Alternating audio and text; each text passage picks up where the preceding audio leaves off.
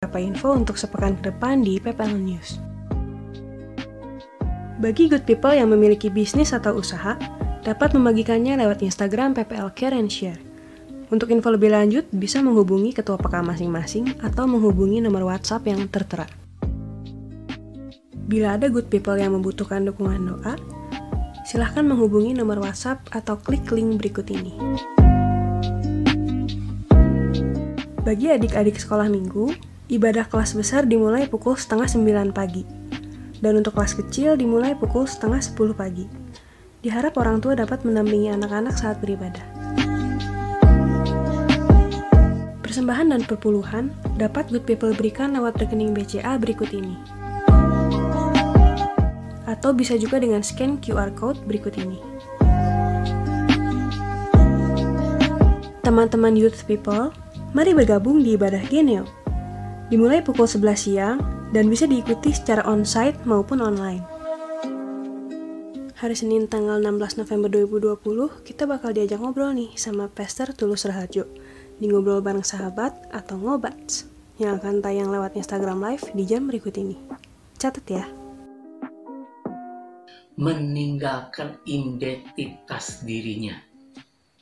Mereka haus manunggal. Setelah kopi dan susu menjadi satu menjadi kopi susu, saya mau tanya kepada Bapak Ibu dan Saudara semua, ini bisa dipisahkan lagi enggak? Enggak bisa. Jadi seperti itulah ya. Pernikahan itu. Suami dan istri harus menghayati kesatuan. Kelas mengenal Kristus tanggal 19 November 2020 akan membahas tentang keluarga ilahi bersama Pastor Budiman Setiono. Kelas akan diadakan lewat Zoom pada jam berikut ini. Link Zoom-nya akan di-share lewat grup WhatsApp. Ibadah onsite sudah dibuka untuk jemaat. Berikut ini adalah cabang-cabang yang sudah melaksanakan ibadah onsite. Pengerja dan juga jemaat yang rindu untuk hadir di ibadah onsite dapat mendaftarkan diri melalui nomor WhatsApp yang tertera. Ibadah dilaksanakan dalam protokol kesehatan.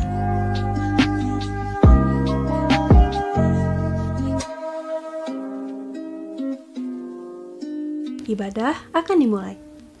Mari persiapkan hati dan pikiran untuk memuji dan menyembah Tuhan, juga mendengarkan firman. Selamat hari Minggu, Tuhan Yesus memberkati.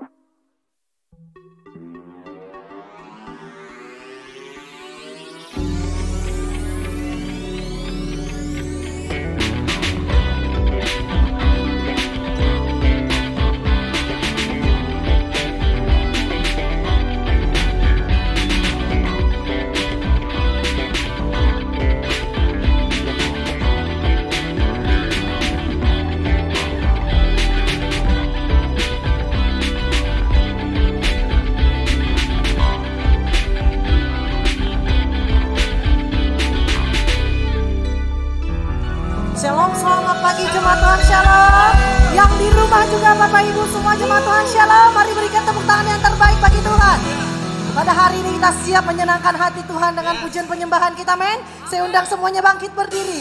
Kita mau berkata,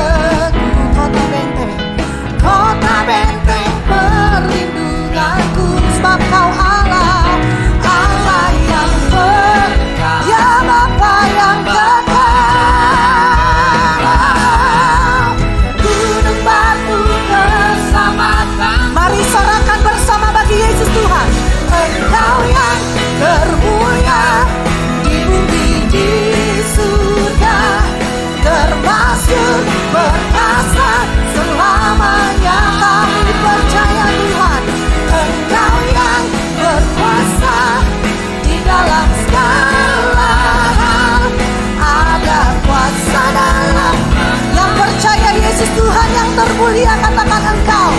Engkau yang termulia. Katakan termasuk perkasa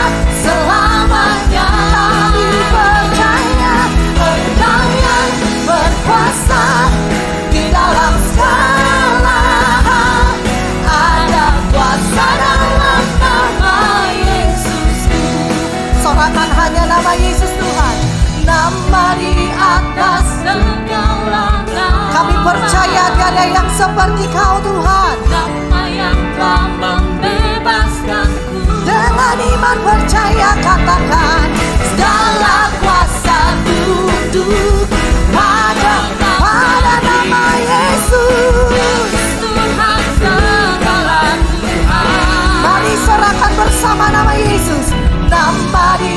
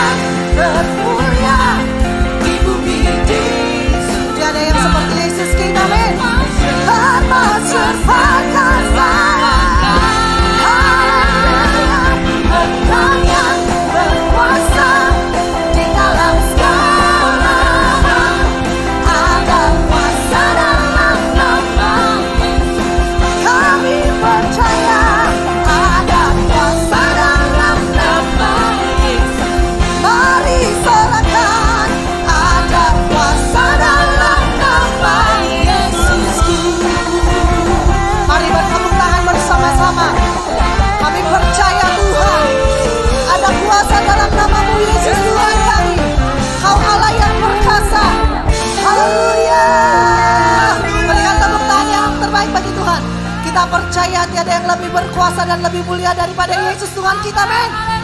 Bisa bertepuk tangan bersama-sama katakan, Maha kuasa, Maha mulia, Kau berkata atas semesta. Katakan lagi Maha kuasa, Maha kuasa, Maha mulia, dulu sekarang. Katakan lagi Maha kuasa, Maha mulia. Tepuk tangan yang terbaik lagi. Maha kuasa. Hanya Yesus Tuhan kita, men.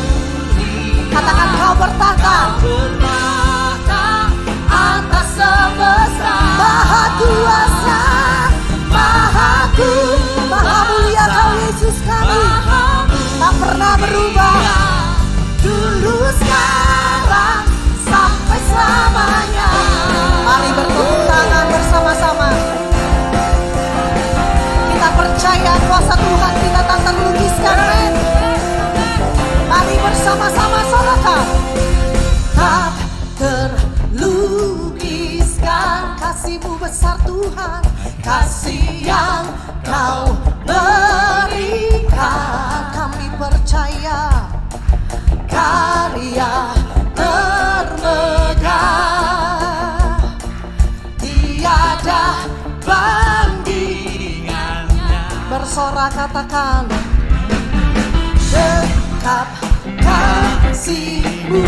Katakan yang setia menjagaku. Setia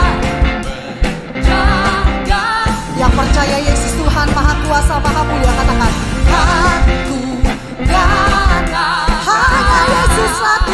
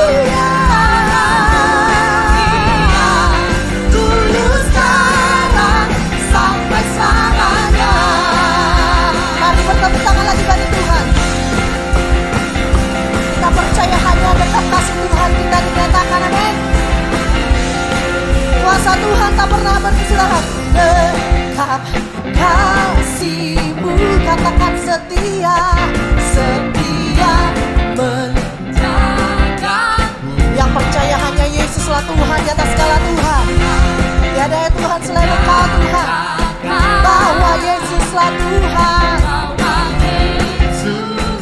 Mari bersorak-sorai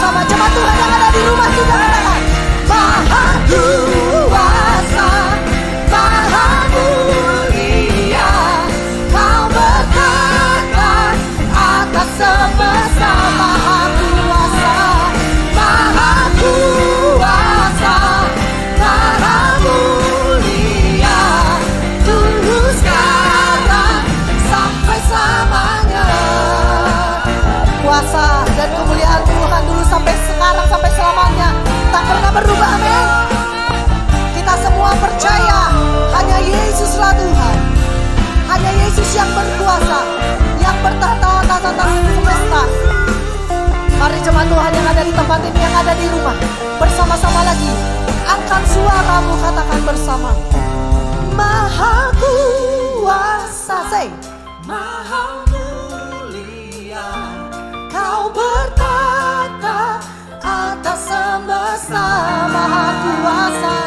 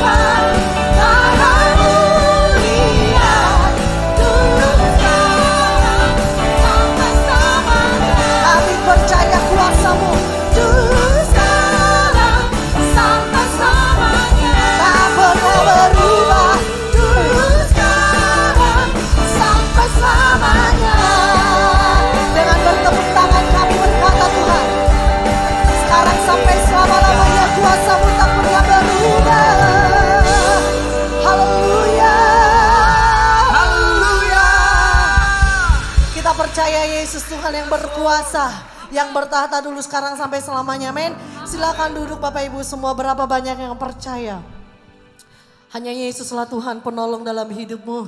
Berapa banyak yang percaya hanya Yesus yang berkuasa atas semesta, langit dan bumi. Tuhan Yesus kita berkuasa men. Mari yang percayakan kuasa Tuhan berikan tepuk tangan yang terbaik bagi Tuhan.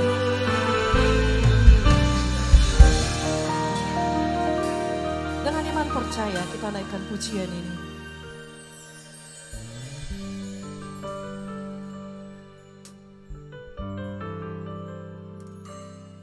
Kau Tuhan penolong dalam hidupku. Ku percaya hanya kepadamu. Katakan dengan iman percaya. Kau pegang tanganku dan tuntun langkahku. Yesus, kau perlindunganku, kau Tuhan, kau Tuhan, kekuatan dalam hidupku, penolongku dalam kesesakan. Kau gunung batuku dan pertahananku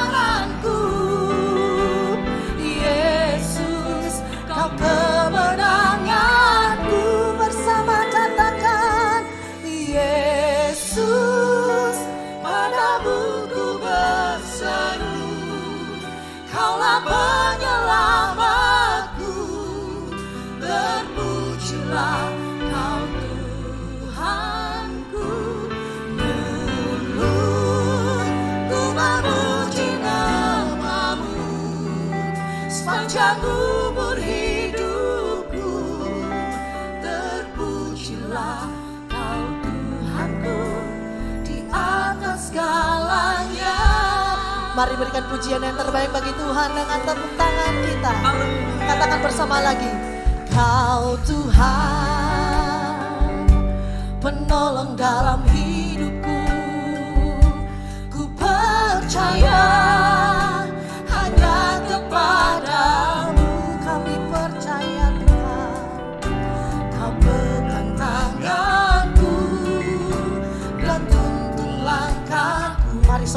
Yesus. Yesus, kau perlindunganku. Hanya kau Yesus Tuhan.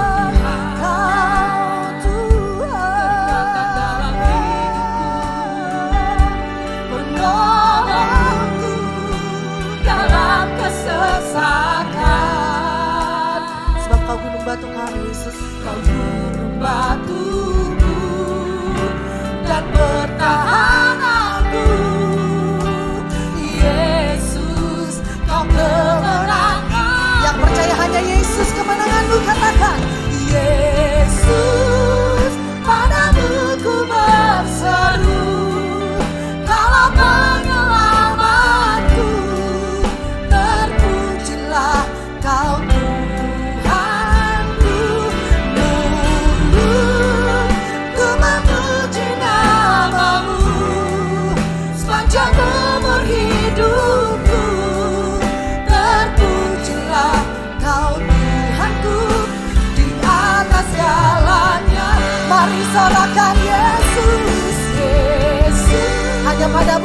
berseru ya Yesus kami. Allah penyelamat kami. Haleluya. Terpujilah kau Tuhanku. Mulutku memuji namamu sepanjang umur hidupku. Terpujilah kau Tuhanku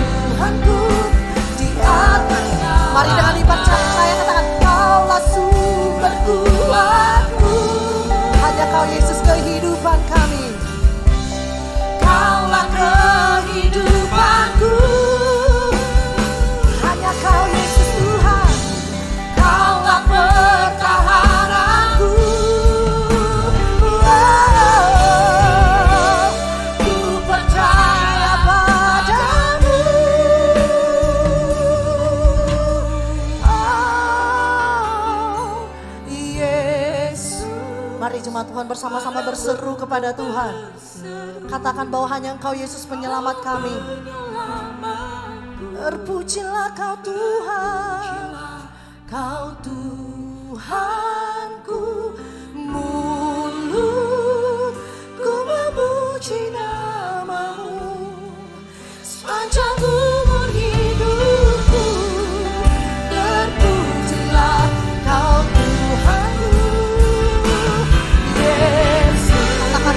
kami berseru. Kaulah penyelamatku. Terpujilah kau Tuhanku. Mulutku memuji namamu sepanjang umur hidupku. Terpujilah kau Tuhanku. Katakan Yesus, Yesus. Berseru bersama-sama. Katakan hanya kau Yesus kemenangan kami.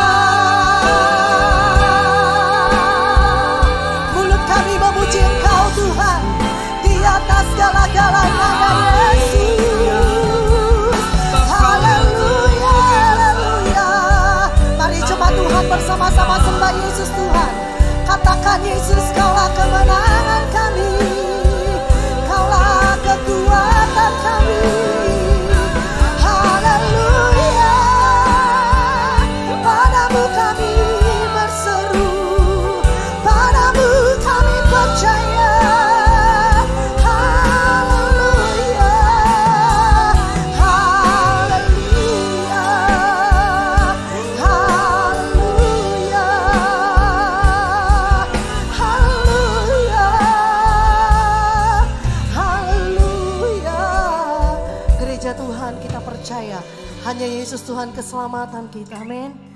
Hanya Yesus Tuhan kekuatan kita. Mari angkat kedua tangan kita di hadapan Tuhan. Katakan kami percaya Engkau Tuhan. Hanya Kau kekuatan kami. Hanya Engkau gunung batu kami. Kaulah keselamatan kami. Tiada Allah lain selain Engkau di dalam hidup kami Tuhan. Haleluya. Haleluya. Haleluya.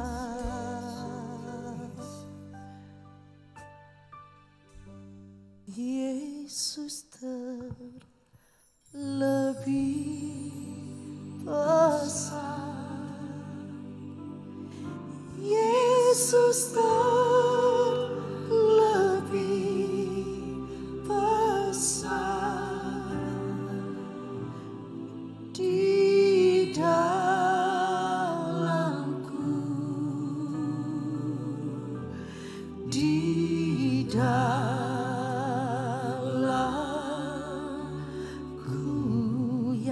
percaya hanya Yesus Tuhan katakan. Yesus Tuhan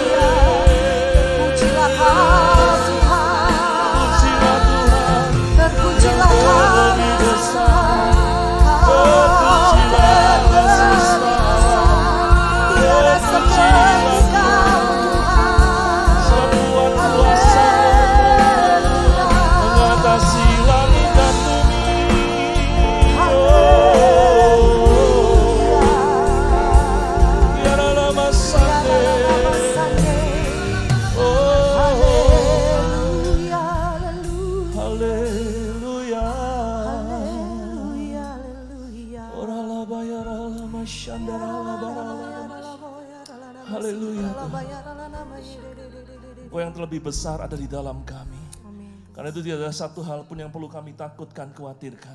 Kami akan hidup dalam tentram, dalam tenang, dalam damai sejahtera. Sebab Allah yang besar ada di dalam kami. Dan karena itu hari ini Tuhan pagi hari ini teguhkan kami dengan kebenaran firman-Mu. Supaya kami semakin teguh bahwa Allah yang besar itu ada di dalam kami. Amin. Terima kasih. Kami buka hati kami untuk firman Tuhan. Roh Kudus tolong hambamu menyampaikan kebenaran-Mu. Biar jadi berkat buat kami semua. Terima kasih Tuhan. Dalam nama Tuhan Yesus Kristus kami berdoa dan bersyukur. Haleluya. Sama-sama katakan. Amin. Amin. Mari sekali lagi berikan tepuk tangan yang terbaik bagi Tuhan kita yang besar. Haleluya. Silakan duduk Bapak Ibu Saudara. Selamat pagi semuanya. Shalom. Semuanya dalam keadaan baik Saudara. Puji Tuhan. Ya, Saudara, pagi hari ini saya ingin sharing tentang satu hal yang saya percaya ini yang kita butuhkan di saat-saat ini Saudara. Nanti kalau saudara baca dalam kitab Daniel pasal 12 ayat 4 saudara, dikatakan bahwa di akhir zaman itu pengetahuan semakin bertambah. Dengan kata lain di akhir zaman pengetahuan semakin maju saudara. Ya, dan saudara kita lihat saat ini teknologi pengetahuan sudah sangat maju sekali. Dan saya percaya kita percaya saat-saat ini adalah akhir zaman saudara. Amin. Ya, saudara teknologi sudah demikian maju. Saat ini Tiongkok sedang mengembangkan teknologi telekomunikasi dengan 5G, saudara. Ya, nanti kalau sudah digunakan secara merata saudara, ini 5G ini keunggulannya luar biasa, ya karena dia ketepatannya itu kecepatannya luar biasa sehingga tidak ada delay sama sekali saudara. Nah karena teknologi ini demikian majunya saudara, sehingga bisa dimanfaatkan untuk berbagai bidang yang lain. Ya. Contoh, sekarang teknologi 5G sudah mulai dikembangkan untuk teknologi kedokteran misalnya. Ya, saudara, sekarang ini di Tiongkok juga sedang dikembangkan, saudara, cara operasi, melakukan operasi, dokternya nggak usah ada di tempat di mana orang sakitnya dioperasi, saudara.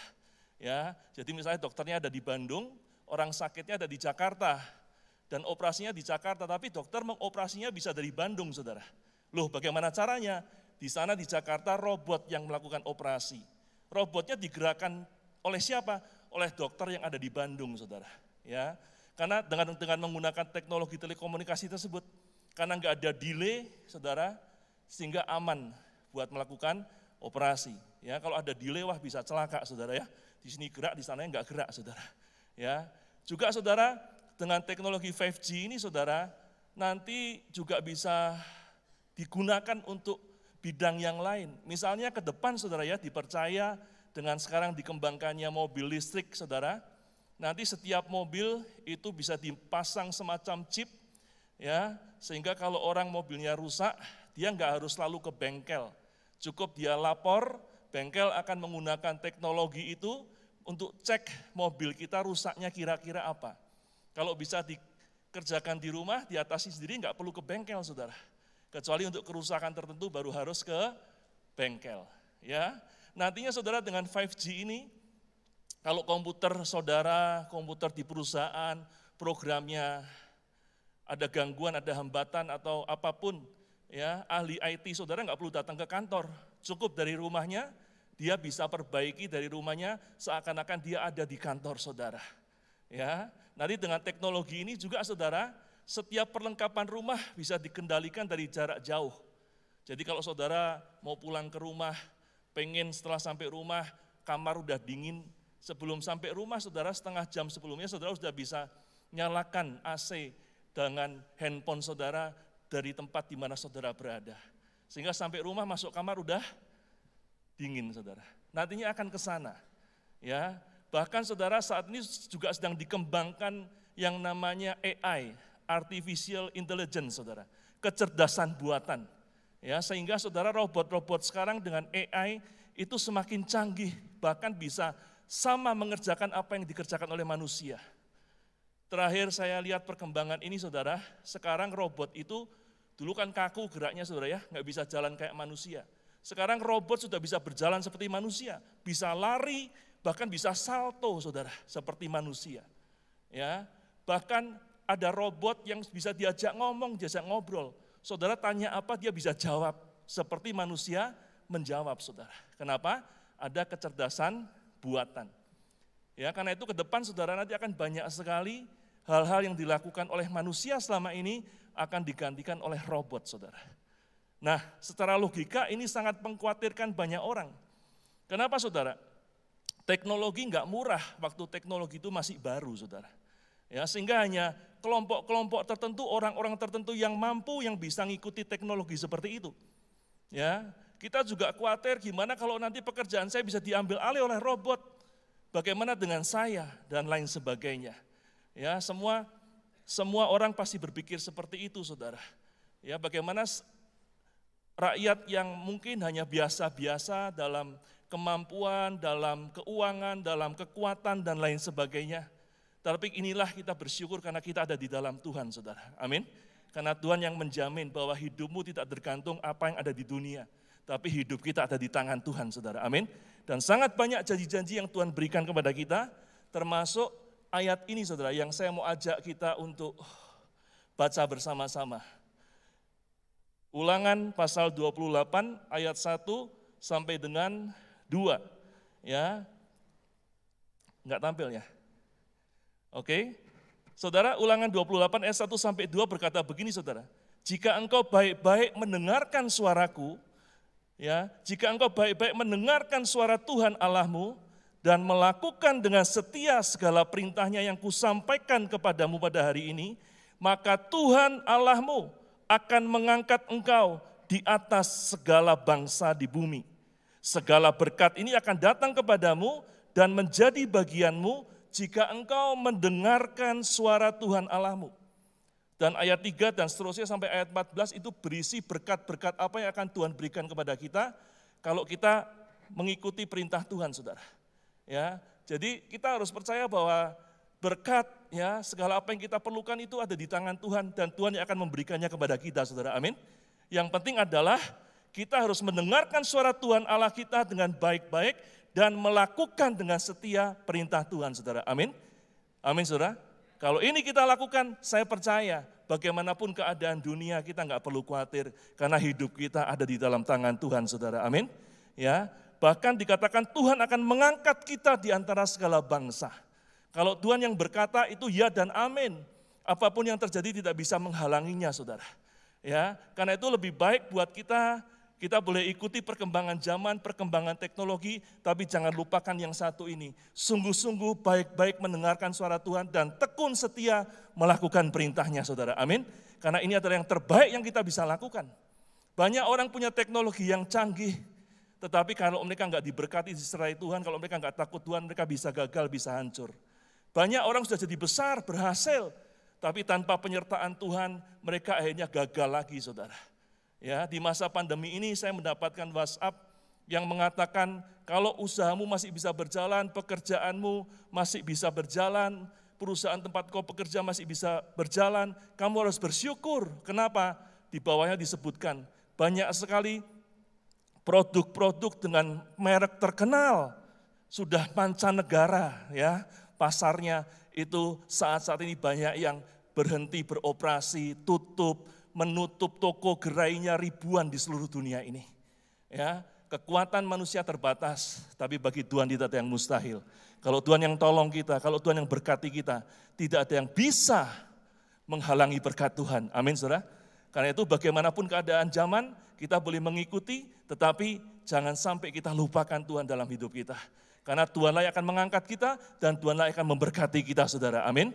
Dan waktu saya renungkan, bagaimana cara Tuhan memberkati kita, bagaimana cara Tuhan mengangkat kita, Tuhan akan memberikan ini kepada kita, saudara. Yaitu apa? Yang disebut dengan divine intelligence, kecerdasan ilahi.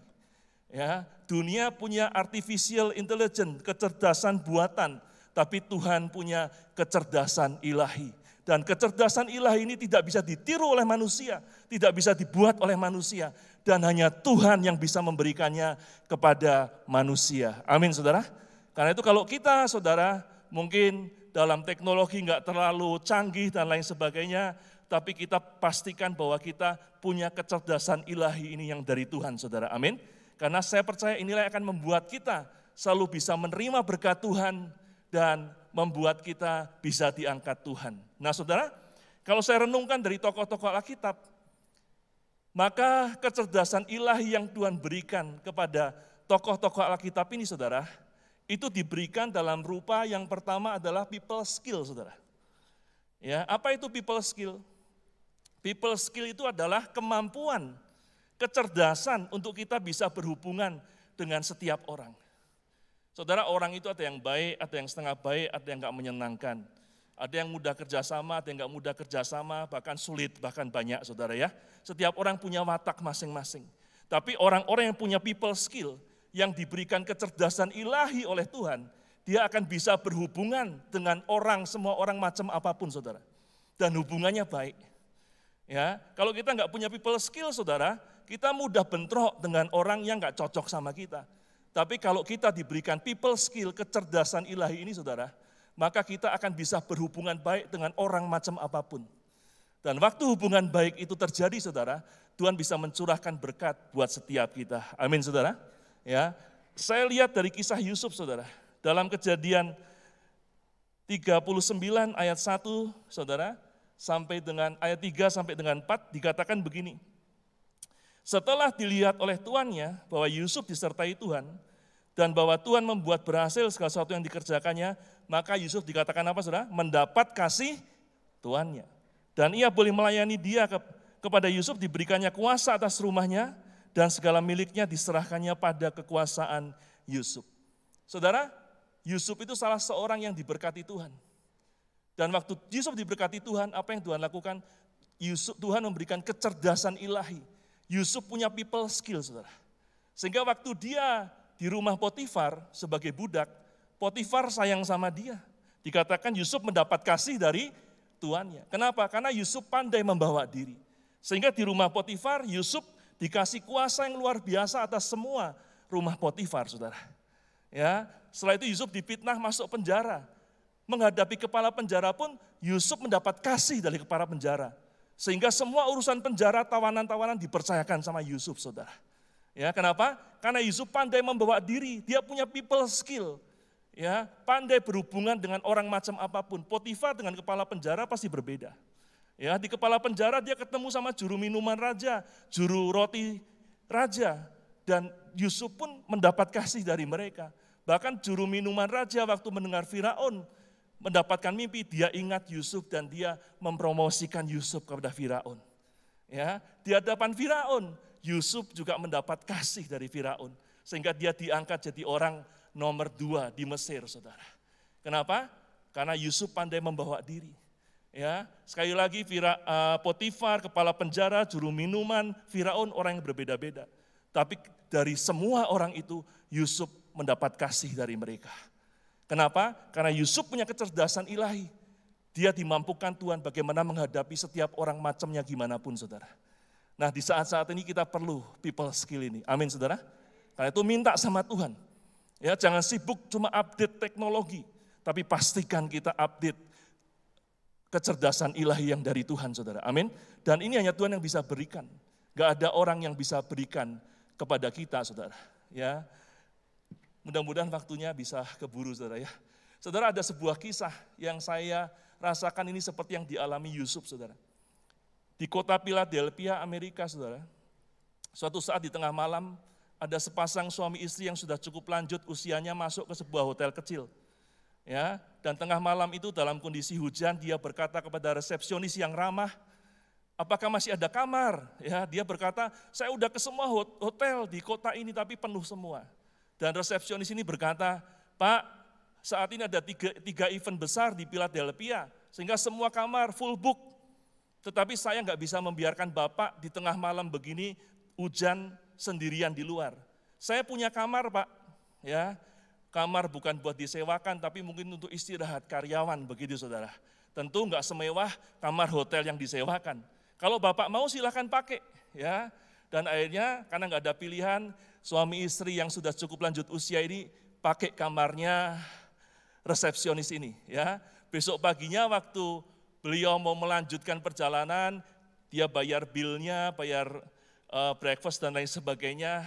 Sebelum pergi dia ngomong begini, resepsionis sebaik kamu harusnya jadi manajer hotel besar di Amerika. Mungkin nanti suatu saat saya akan bangunkan hotel buat kamu. Ya, resepsionis ini dengar begitu hanya senyum, saudara. Dia pikir ini Pak, ini Bapak ini lebay pisan ya, mungkin untuk mengucapkan terima kasih sampai seperti itu saudara. Tapi dia nggak menyangka dua tahun kemudian dia terima surat undangan. Yang setelah dia ingat-ingat ternyata dari pasangan suami istri yang pernah dia tolong ini saudara. Untuk datang ke New York jadi tamunya dia. ya Dan ada tiket pesawat yang sudah diberikan.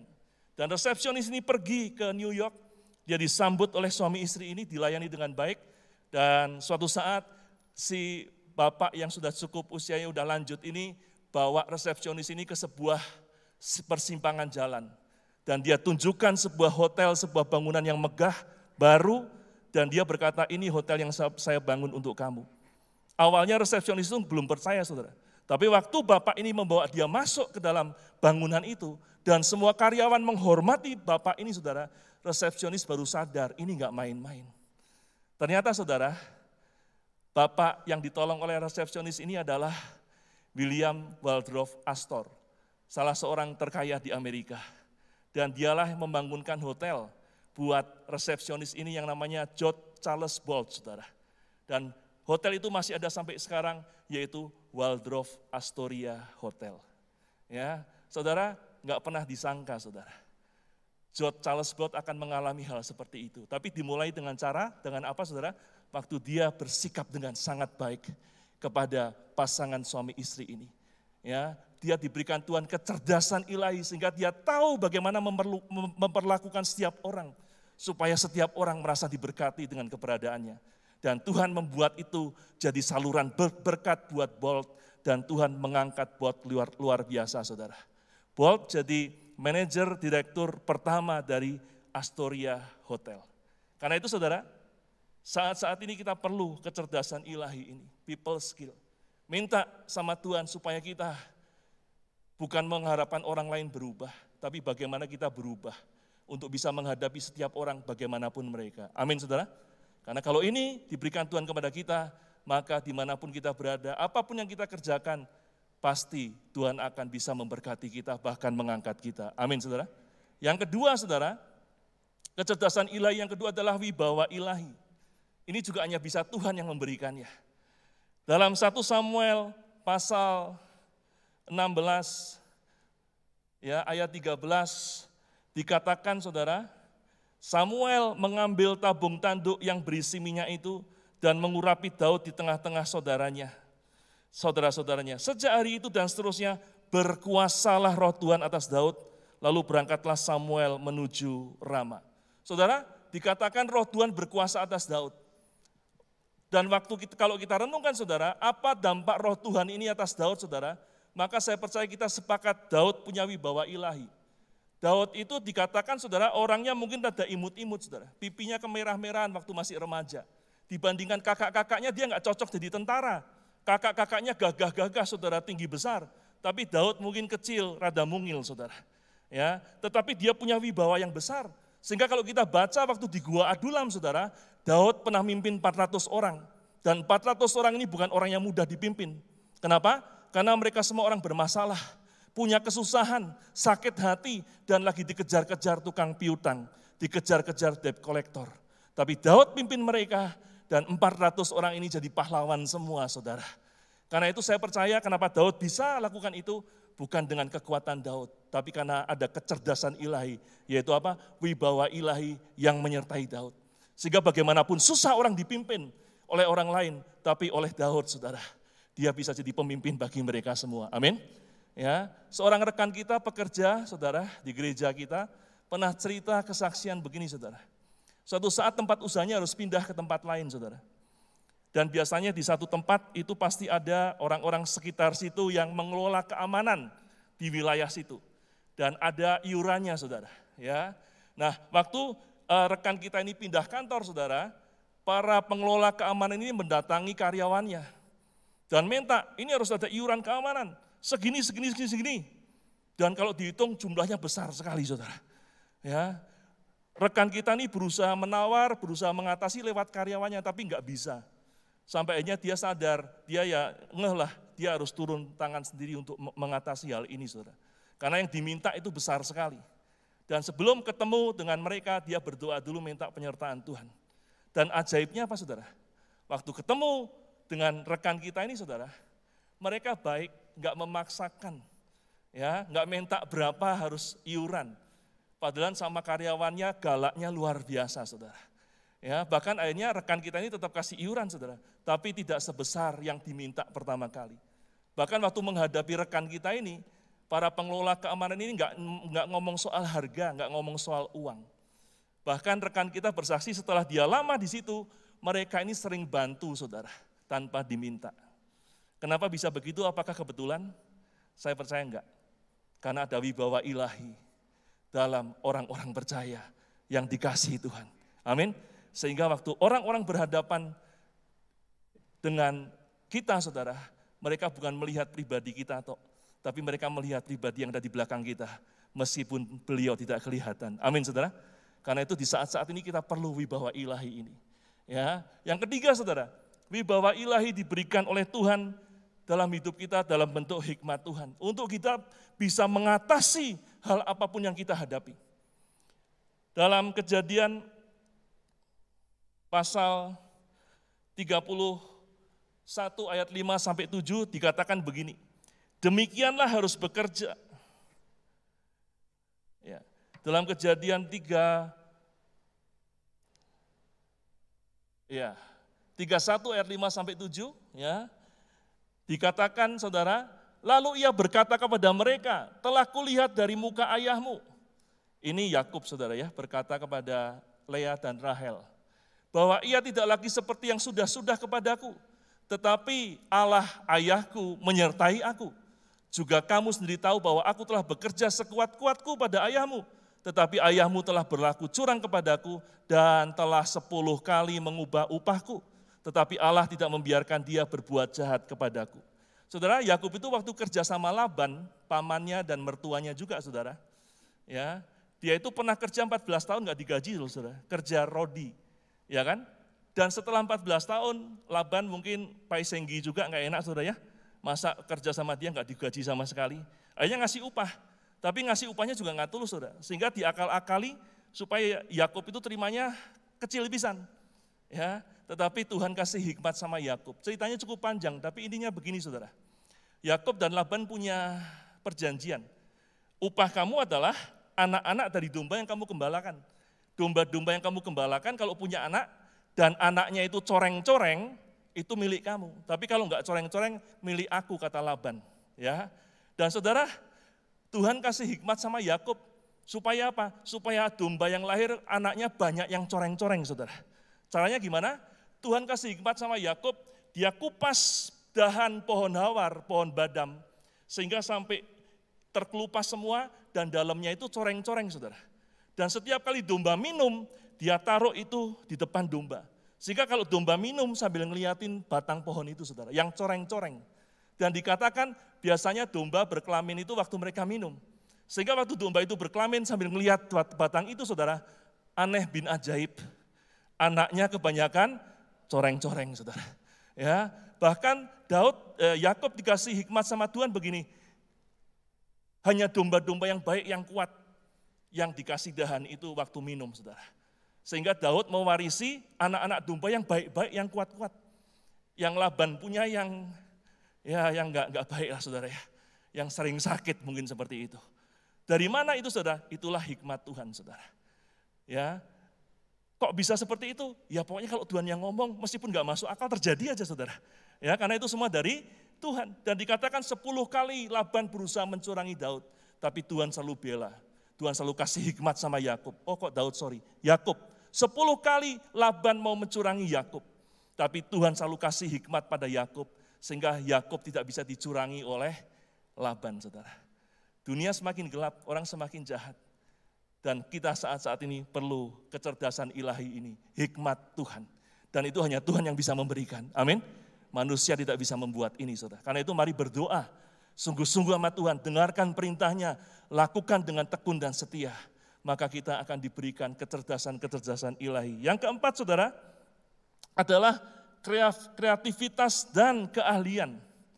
Ya, saudara, dikatakan demikianlah harus bekerja Besaleel dan Aholiab dan setiap orang yang ahli yang telah dikaruniai Tuhan keahlian dan pengertian sehingga ia tahu melakukan segala macam pekerjaan untuk mendirikan tempat kudus tepat menurut yang diperintahkan Tuhan. Ini kisah waktu bangsa Israel dan Musa ada di padang gurun, Tuhan perintahkan mereka untuk membuat tabernakel. Dan tabernakel itu banyak perkakasnya, banyak pernak-perniknya yang belum pernah dibuat, dan Tuhan perintahkan Musa dan bangsa Israel membuat semuanya, saudara. Tetapi hebatnya Tuhan adalah Tuhan memberikan Besalael dan Aholiab kreativitas dan kemampuan. Sehingga waktu Tuhan ngomong, kamu buat ini, bentuknya begini, ukurannya begini, bahannya ini, gini, gini, gini, gini. Besalel dan Aholiab bisa melakukan semua itu, saudara. Ya, sehingga semua perkakas tabernakel itu bisa disediakan dan dibuat. Ya, jadi memang Besalel Aholiab awalnya nggak bisa ngerjain itu, tapi karena Tuhan kasih kemampuan, akhirnya dia bisa, saudara. Dan saat ini kita juga perlu keahlian seperti itu, saudara. Amin. Ya, saya melihat sekarang kita nggak bisa mengandalkan satu usaha kadang-kadang saudara. Banyak orang yang sekarang usaha utamanya lagi berhenti, tapi justru usaha yang dia dapat di saat-saat ini bisa berjalan dan memenuhi segala menjadi saluran berkat bagi mereka saudara. Ya, dari mana mereka bisa? Karena Tuhan kasih kreativitas dan keahlian. Kita perlu kecerdasan ilahi ini saudara, amin. Ya, sehingga bagaimanapun keadaan kita nggak perlu takut. Keadaan berubah, Tuhan pasti pimpin kita untuk bisa melalui keadaan itu saudara, amin. Karena Tuhan punya kecerdasan ilahi ini bagi kita. Dia akan berikan kita people skill. Dia akan berikan kepada kita wibawa ilahi. Dia akan berikan kepada kita hikmat ilahi, hikmat Tuhan. Dan dia akan berikan kreativitas dan keahlian. Yang terakhir saudara, waktu Tuhan berkata, engkau harus baik-baik mendengarkan suara Tuhan dan melakukannya, apa sih yang kita bisa belajar dari tokoh-tokoh tadi? Yusuf, Daud, Yakub, Besaleel, Aholiab. Perintah Tuhan apa yang mereka perhatikan dan mereka lakukan dalam kehidupan mereka. Yang pertama saudara, hidup mereka hidup dalam kekudusan. Ya, Saudara, dalam Ibrani 12 ayat 14 firman Tuhan berkata begini, kejarlah kekudusan, karena tanpa kekudusan kau nggak bisa melihat Tuhan. Apa artinya saudara? Artinya begini, kalau kita nggak hidup kudus, kita nggak akan pernah ketemu dengan Tuhan saudara.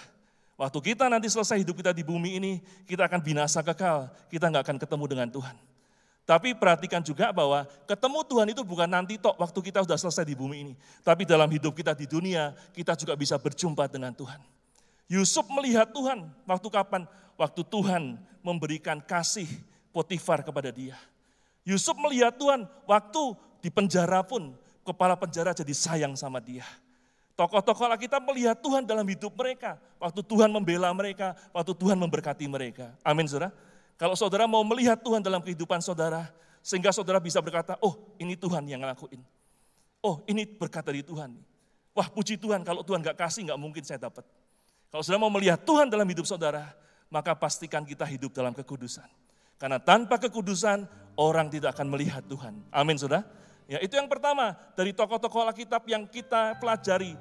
Perintah Tuhan apa yang mereka pegang dan mereka lakukan dengan tekun dan setia. Yang kedua, saudara, next, jangan simpan sakit hati. Jangan simpan kepahitan, saudara. Mazmur 37 nanti saudara, saudara baca di rumah. Mazmur mengatakan, Jangan iri sama orang yang berbuat jahat. Jangan marah kepada orang yang berbuat curang. Karena mereka semua seakan-akan berhasil, tapi mereka akan hancur, saudara. Ya, saudara, kenapa Yusuf bisa diberkati Tuhan luar biasa?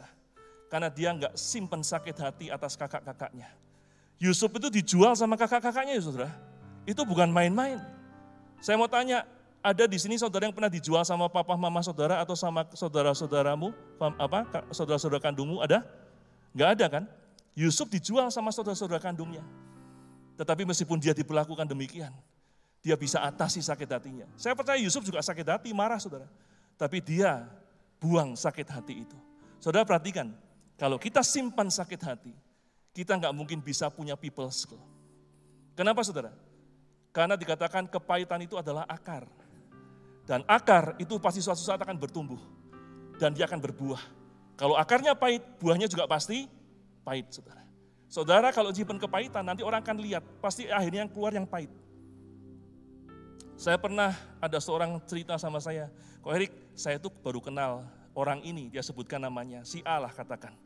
Waktu awal saya kenal enak eh ngobrolnya, tapi lama-lama semakin dekat.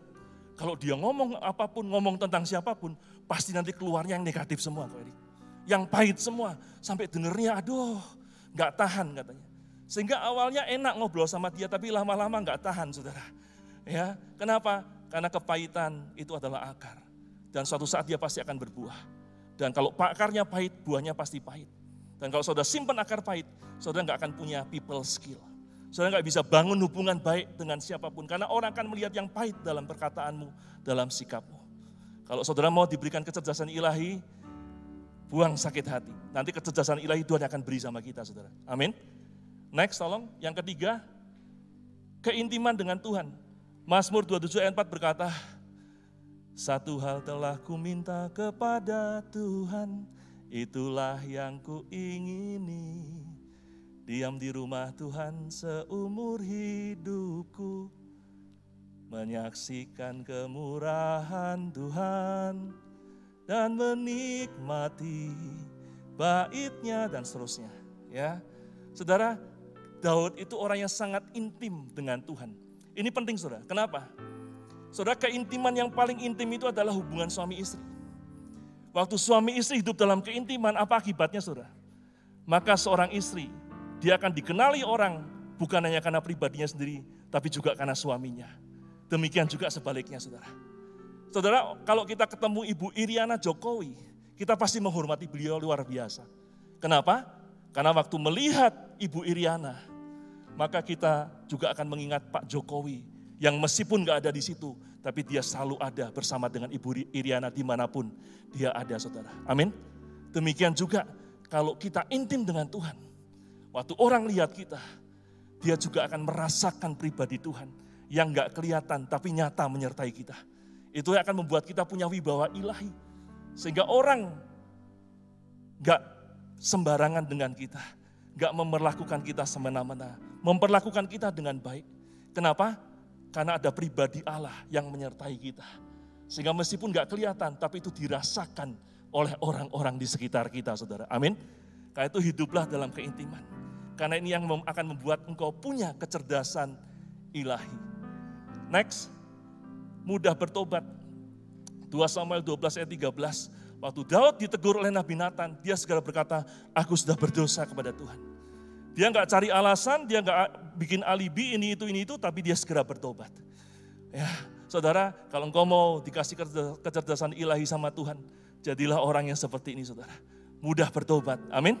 Ya, sehingga waktu kita ditegur oleh Firman Tuhan, kita nggak cari alasan, tapi kita segera merenungkan, Tuhan bagaimana supaya aku bisa berubah. Tuhan ampuni aku. Daud sampai berkata, Tuhan jangan ambil rohmu daripadaku. Ya, karena itu mari saudara dalam hidup ini, hidup dalam pertobatan. Supaya kita diberikan kecerdasan ilahi ini. Yang terakhir, nomor lima, rajin, tekun, ulet dalam bekerja. Meskipun Tuhan sudah kasih kecerdasan ilahi dalam hidup kita, kita tetap harus lakukan bagian kita dengan sebaik-baiknya. Bahkan saya percaya orang yang diberkati Tuhan, orang yang dijamah Tuhan, diubahkan Tuhan, salah satunya dia akan tambah rajin dalam bekerja, saudara. Akan lebih tulet dalam bekerja, sungguh-sungguh dalam bekerja. Dia nggak males, dia nggak asal-asalan. Kenapa? Karena Tuhan yang bekerja di dalam dia. Dan Tuhan adalah Tuhan yang rajin. Ya, dia berkata, aku masih bekerja sampai sekarang. Jadi jangan berkata, oh kalau kita disertai Tuhan udahlah asal-asalan aja, santai-santai aja, nggak bisa saudara. Salah satu kecerdasan ilahi yang Tuhan berikan adalah akan memberikan semangat, dorongan kepada kita untuk bekerja dengan baik. Amin, saudara. Ya, ada seorang bapak, saudara. Usahanya di masa pandemi ini uh, jatuhlah katakan, dan dia mulai usaha yang baru. Ya, sejak berapa lama yang lalu, saudara. Dan cukup cukup berhasil, ya, tetapi sayangnya dia harus pindah ke kota lain. Dan pekerjaan ini, saudara, usaha ini diberikan kepada adiknya, saudara. Usaha yang sudah berhasil, sudah maju, konsumennya sudah banyak, tapi di tangan adiknya, saudara, jadi habis.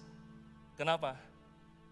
Karena dia tidak setekun, tidak seulet, tidak serajin kakaknya. Ya, dan karena itu kalau kita mau tetap diberkati Tuhan, Tuhan akan berikan kepada kita kecerdasan ilahi tapi bagian kita tetap kita lakukan yang terbaik dalam hidup ini saudara. Amin. Dan kalau kita lakukan itu, saya percaya apa pun yang terjadi dengan dunia ini, kita nggak perlu khawatir. Sebab Yesus yang terlebih besar itu ada di dalam kita. Dia menyertai kita, tidak terlihat oleh mata, tapi pasti apa yang dia lakukan dalam hidup kita. Mari naikkan pujian yang terakhir tadi. Dengan segenap.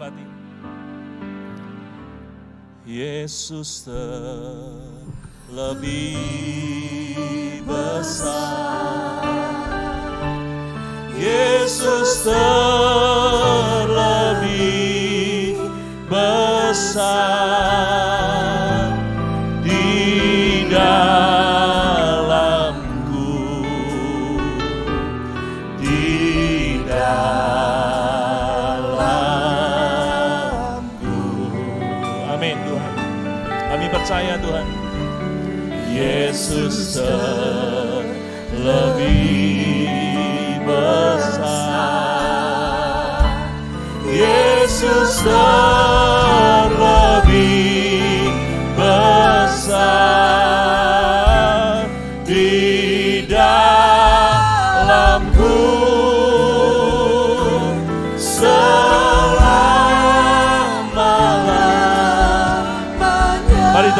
katakan sambil bangkit berdiri bersama-sama.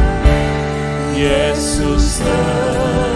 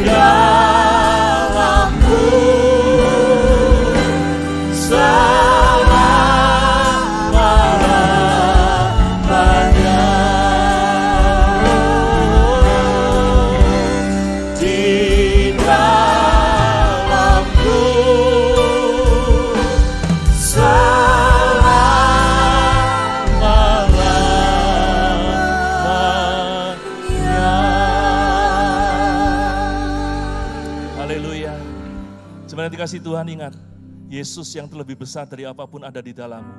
Dan dia ingin bermanifestasi dalam hidupmu untuk memberkati engkau, membuat kau berhasil, bahkan akan mengangkat engkau di antara bangsa-bangsa. Dan biarlah engkau hidup dalam kekudusan. Jangan simpan sakit hati, intim dengan Tuhan. Miliki hati yang mudah bertobat.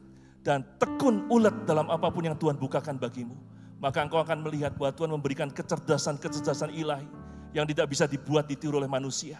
Dan hanya dipunyai oleh orang-orang yang dikenan, dikasihi, disayang sama Tuhan. Engkau akan punya people skill. Engkau akan punya wibawa ilahi. Engkau akan punya hikmat ilahi. Dan engkau akan dipenuhi dengan kre- kreativitas dan keahlian untuk melakukan apa pun yang Tuhan berikan untuk dikerjakan oleh tanganmu. Dan biar Tuhan memberkati engkau senantiasa.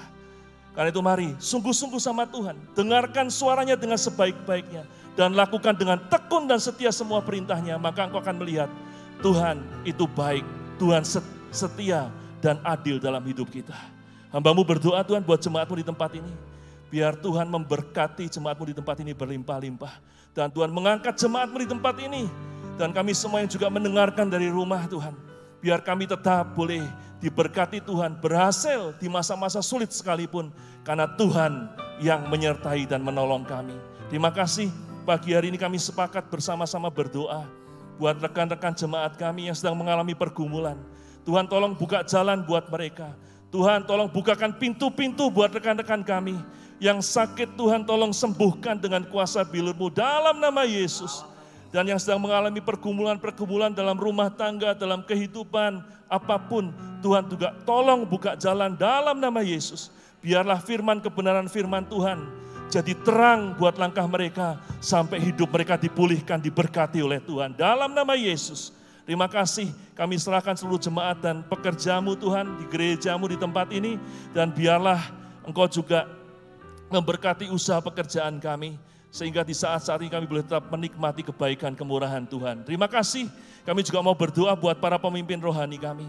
Kami berdoa buat gembala penatua, gembala pembina, dan gembala pelaksana harian. Tuhan berkati Pak Budiman Setiono, berkati Pak Lukas Suheri dan Pak Lukas Yonatan, dan semua gembala cabang. Tuntun Tuhan para pemimpin kami dengan kuat kuasamu, sehingga kami semua jemaatmu di tempat ini, jemaatmu di PPL Tuhan, menggenapi rancangan Tuhan yang besar dalam hidup kami. Dalam nama Yesus, berkati para pemimpin kami dengan seluruh keluarga besar, semuanya ada dalam pemeliharaan Tuhan yang sempurna. Kami juga tak lupa berdoa buat yang terkasih Tante Sutikno. Terima kasih untuk umur yang panjang yang Tuhan berikan. Biar Tuhan juga berikan kekuatan kesehatan dan damai sejahtera yang berlimpah-limpah. Sehingga Tante penuh dengan sukacita dan damai sejahtera. Dalam nama Yesus kami serahkan Tante Sutikno ke dalam tanganmu Tuhan. Terima kasih. Kami juga berdoa Tuhan untuk jemaatmu yang tekun memberikan persembahan. Mereka yang mengingat rumah Tuhan, mengingat pekerjaan Tuhan. Tuhan biar semuanya juga menjadi berkat dalam kehidupan mereka. Menjadi benih yang subur dan berbuah dalam kehidupan mereka. Dalam nama Yesus, juga jemaatmu Tuhan yang belum bisa memberikan, Tuhan juga berkati berlimpah-limpah. Sehingga mereka pada waktunya akan jadi bendahara-bendahara Allah dalam nama Yesus. Dan kami terus berdoa buat bangsa negara kami. Kami terus berdoa untuk Pak Jokowi, Pak Mahruf Amin, dan semua jajaran pemerintahan dari pusat sampai daerah. Kami berdoa untuk aparat keamanan TNI Polri dan semua lembaga-lembaga negara lainnya. Tuhan berkati untuk Tuhan berikan hikmat yang baik dan yang benar Tuhan atas memimpin kami sehingga membawa bangsa ini untuk berkenan di hadapan Tuhan. Angkat bangsa ini Tuhan, pulihkan ekonominya, pulihkan politik, sosial, budayanya, dan semua aspek bangsa ini di dalam nama Yesus. Sehingga Indonesia tetap aman, tentram, dan damai untuk kemuliaan nama Tuhan. Dan biar nama Yesus diberitakan sampai ke pelosok-pelosok negeri ini untuk kemuliaan nama Tuhan. Terima kasih Tuhan untuk ibadah hari ini. Dan kalau sebentar kami akan berpisah, kami akan kembali ke tempat kami masing-masing Tuhan kami percaya Tuhan akan menyiapkan, memberikan berkat bagi setiap kami. Kami angkat kedua tangan kami, kami buka hati kami dan arahkan wajah kami kepada Bapa di surga. Jemaat yang dikasih Tuhan, pulanglah dengan membawa berkat yang terbaik, jasmani dan rohani. Dari Allah Bapa di surga, di dalam anaknya yang tunggal Tuhan kita Yesus Kristus, dan di dalam persekutuan yang manis dengan Allah Roh Kudus, menyertai kita senantiasa, mulai saat ini sampai Maranatha, bahkan sampai selama-lamanya. Yang percaya menerima berkat ini sama-sama katakan, Amin, amin. Haleluya. Selamat pagi saudara, Tuhan memberkati. Sampai jumpa dalam ibadah-ibadah selanjutnya. Shalom.